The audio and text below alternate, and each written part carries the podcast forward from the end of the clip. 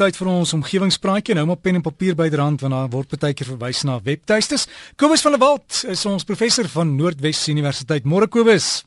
Môre Derek, môre al ons omgewingsvriende. Nou ja, ons is terug uit die koue Karoo en dit is 'n koue jaar vir jaar. Uh, ons kinders het een middag so 5 uur se kant steeds dik stukke ys in die sloot naby die plaashuis gekry. En toe ons woensdagoggend vroeg wegtrek, toe sien ons dat die boer op die buurplaas dan naby Steynburg sy sproeiers aangelos het deur die nag en daar was die mooiste ys stalagmiete wat so op die land gestaan het. Renay Tron van Mariesburg het geskryf en Derek nou weet ek nie of Renay 'n man of 'n vrou is nie, maar gaan maar aanneem dat dit 'n man is, so Renay as ek verkeerd is, my opregte verskoning. Maar in elk geval Renay sê hulle dorp het nou ook deurgeloop onder die vriesende pype wat bars in die nag. En hy sê ehm um, hy het 'n plan gemaak want daar's dele van die pype wat mense nou nie kan isoleer nie. So wat hy nou doen is as hy weet dit gaan die nag baie koud word, dan gaan draai hy maar net die hoofstopkraan buite die huis toe en dan maak hy al die krane binne in die huis oop. So die probleem is opgelos. Die water in die pype vries steeds, maar die ys het nou ruimte om uit te sit en dan bars geen pyp nie. Ehm um, nou ja, dit is uh, 'n uh, baie goeie plan en hy Tron van Mariesburg en uh, ek dink jy moet eintlik vir al die versekeringsmaatskappye 'n bietjie kommissie vra vir daardie oulike idee. So gepraat van die koue, ek het verlede week genoem dat die koudste plek in Suid-Afrika die plaas Buffelsfontein is waar die temperatuur in 1996 tot minus 18 grade Celsius gedaal het. Maar Dr Ines Oukamp van Bloemfontein het vir my geskryf en hy sê die koudste plek is wel Buffelsfontein, maar verlede jaar het het, het daar op 23 Augustus uh het die het die kook gedaal tot minus 20,1 grade. Ehm um, en uh so 'n bietjie vroeër in Julie, die nag van 8 Julie verjaar, het die kook gedaal tot minus 19,6. So lyk my daai rekord is is is verpletter. Ja, ek kan maar sê ek is bly ek bly in Potchefstroom want minus 20 grade is nie speletjies nie. Ek dink aardverwarming klink vir mense in daardie dele van ons land dalk nie na so 'n slegte idee nie. As ons praat van aardverwarming, uh dis wel bekend dat energieopwekking vir die grootste volume kweekhuisgasse verantwoordelik is en ons nuwe minister van energie Tina Joemat Petersen het onlangs Suid-Afrika se energieplan vir die volgende 5 jaar bekend gestel. Nou wat vir my verblydend is is dat die energieplan belyn is met die nasionale ontwikkelingsplan en dat daar nie nou weer allerlei nuwe ideologies gedrewe idees kop uitsteek nie. Uh en die energieplan kombineer die doelwitte soos vervat in die geïntegreerde hulpbronplan en ook die aardgasmeesterplan wat die rol uitspel wat aardgas in die SADC streek in die nabye toekoms gaan speel en dit sluit natuurlik skaliegas in die Karoo in. En ek lees eh, 'n uh, goeie vriend van my, Quentin Campbell, hy is tans nog in Griekeland, maar hy het my laat weet daar is Dinsdag 'n uh, 'n persvrystelling uh, deur die groep wat die uh, gebruik van hidrobreking in die Karoo teenstaan. So ek hoop om volgende week 'n bietjie meer ietsie daaroor te sê. Maar in alle geval die minister het daar voorgenem om nou saam met die departement van minerale hulpbronne te werk om die implementering van skalieontginning te fasiliteer, skaliegasontginning. Ehm um, so ons sal nou maar sien hoe die ding uitspeel. Goeie nuus is egter dat daar klem gelê word op die ontwikkeling van kernkrag. En dan dan gaan uh, en dan is daar ook al meer uh sprake van uh die nasionale huishoudelike elektrifiseringsstrategie wat voorsiening maak vir mikrokragnetwerke ook wat los is van die nasionale hoogspanningskragnetwerke. Nou sulke mikrokragnetwerke is in lyn met die moderne neiging reg oor die wêreld waar 'n dorp of 'n industriële gebied byvoorbeeld sy eie sonkrag of windkrag aanleg of sy eie klein kernkragstasietjie sal hê wat dan nou net daai dorp van krag voorsien en die hele besigheid sal los wees van die nasionale netwerk. Uh, en dit kan natuurlik baie meer effektief ontwerp, gebou en bedryf word. So dis goeie nuus. Minister Juma Petersen gaan ook aandag gee aan Eskom se befondsingsmodel. En ek moet sê ek is bly daaroor want ek verstaan dit glad nie. Eskom se baas het einde verlede jaar ewe grootmoedig aangekondig dat hulle sal afstand doen van hulle bonusse omdat Eskom se finansies 'n bietjie in moeilikheid was. Maar onlangs is aangekondig dat Eskom 'n bedryfswins van etlike miljarde rande gemaak het. So hoe die goed werk, weet ek nie, maar ek is bly die minister gaan bietjie daarna kyk. Twee dinge wat ek egter dink nog nie genoegsaam aangespreek word nie, is eerstens verpligte grootskaalse energiebesparingsmaatreëls wat afgedwing moet word en tweedens die uitfasering van fossielgebaseerde kragopwekking. Met ander woorde, wanneer en hoe gaan Eskom se ou vuil en oneffektiewe steenkoolkragstasies uitgefaseer word?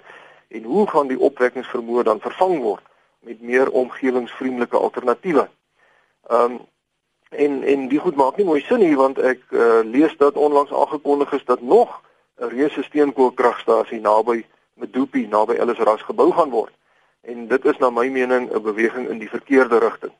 Maar ek wens egter vir minister Tina Joemat Petersen alle voorspoed toe in die belangrike leiding wat sy aan ons land moet gee op die gebied van energie. Uh as ons kyk na energiebesparing, 'n ou bekende omgewingsvriend meneer Dani Martens van Heidelberg het vir my geskryf en vertel hoe hy sy hele huis se beligting met glimdiodes hanteer. Nou ek het enkele jare gelede al hieroor gesels, ek het na sy stelsel gaan kyk en die liggies was toe nog maar baie klein en dof, maar die goed het die afgelope tyd geweldig ontwikkel en mens kry nou baie sterk lig wat min elektrisiteit benodig. Dink maar net aan die liggies wat deesdae op die motors is en ook die verskriklike sterk flitsse wat mense deesdae kry. Nou meneer Martens het sy hele huis bedraad met glimdiodes uh en alarmsensortjies en die saak is sodat as jy in die vertrek inkom, dan gaan die lig sommer self aan en weer af as jy dan nou uit die vertrek uitgaan. Maar hy het die stelsel verbeter. Hy het nou 'n sonpaneeltjie op sy dak wat ses ou motorbatterye laai wat hy op 'n slim wyse gekoppel het sodat hy vier glimdiodes wat in serie gekoppel is vir baie ure kan laat brand. Hy het nou 'n hele klomp sulke stroombane in en om sy huis en hulle het nou al vir jare lank gratis lig in die aande. Hy sê dit het al gebeur dat die hele Heidelberg se krag af is en niks werk nie, geen straatligte, niks nie, maar dan staan hulle huis soos 'n eiland met lig en selfs die buiteligte brand tog te vrolik. En hy het ook 'n goeie plan beraam met die koste van die motorbatterye. Hy het ses ou batterye by 'n handelaar gaan koop Ehm um, en die battery was nog in 'n redelike toestand, maar nou te swak om 'n motor aan die gang te kry. Uh en dit het hom omtrent R1000 gekos. Maar hy sê dis nou 'n een eenmalige aankoop want indien een van sy ou batterye nou heeltemal die gees gee, dan gaan hy lei die ou battery bloot by die handelaar om vir 'n ander ou battery wat daarom nog in 'n redelike toestand is. En hy sê sy handelaar het geen probleem om skroot met skroot gratis te vervang nie. Nou weet ek nie of hierdie plan dalk iets is wat meneer Martens geheim wil nie. Want as die batteryhandelaars agterkom dat ou batterye wel 'n gebruikswaarde het, dan gaan hulle verseker iets begin vra. As mense nou 'n ou battery wil verruil vir 'n ander ou battery. En hoe meer mense dit begin doen, hoe waarskynliker is dit dat dit wel nou so iets sal begin kos, maar ek dink tog die voordeel van standhoudende gratis lig en die hergebruik van ou batterye is iets waarvoor mense dalk bereid sal wees om ietsie voor te betaal.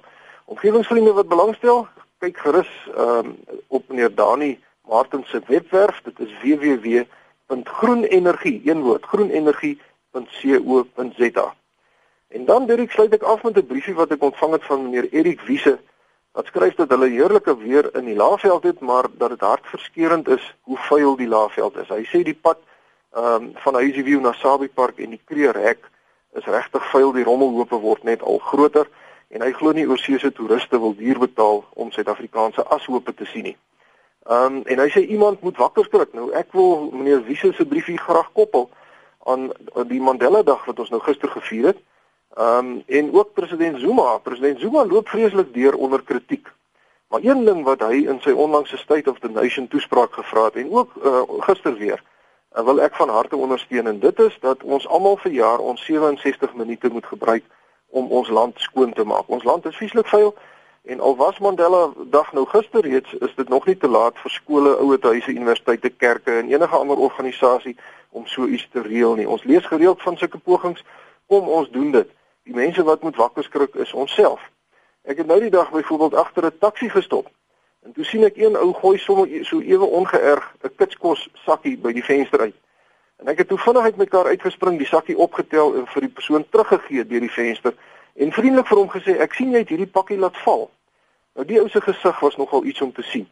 So kom ons begin almal om 'n groter bewustheid aangaande rommelstrooiing te kweek en kom ons maak self ons land skoon soos president Zuma ons gevra het om te doen. Dit daarmee sluit ek af. Skryf gerus vir my by kobus.vanderwalt by nwu.ac.za of by die fakulteit natuurwetenskappe Noordwes Universiteit Potchefstroom 2520. Vriendelike groete tot 'n volgende keer. Kobus, dankie vir jou en dit dan ons omgewingspraatjie saam met Kobus van der Walt. Die e-posadres is kobus met 'n k, né? kobus.vanderwalt by nwu.ac.za.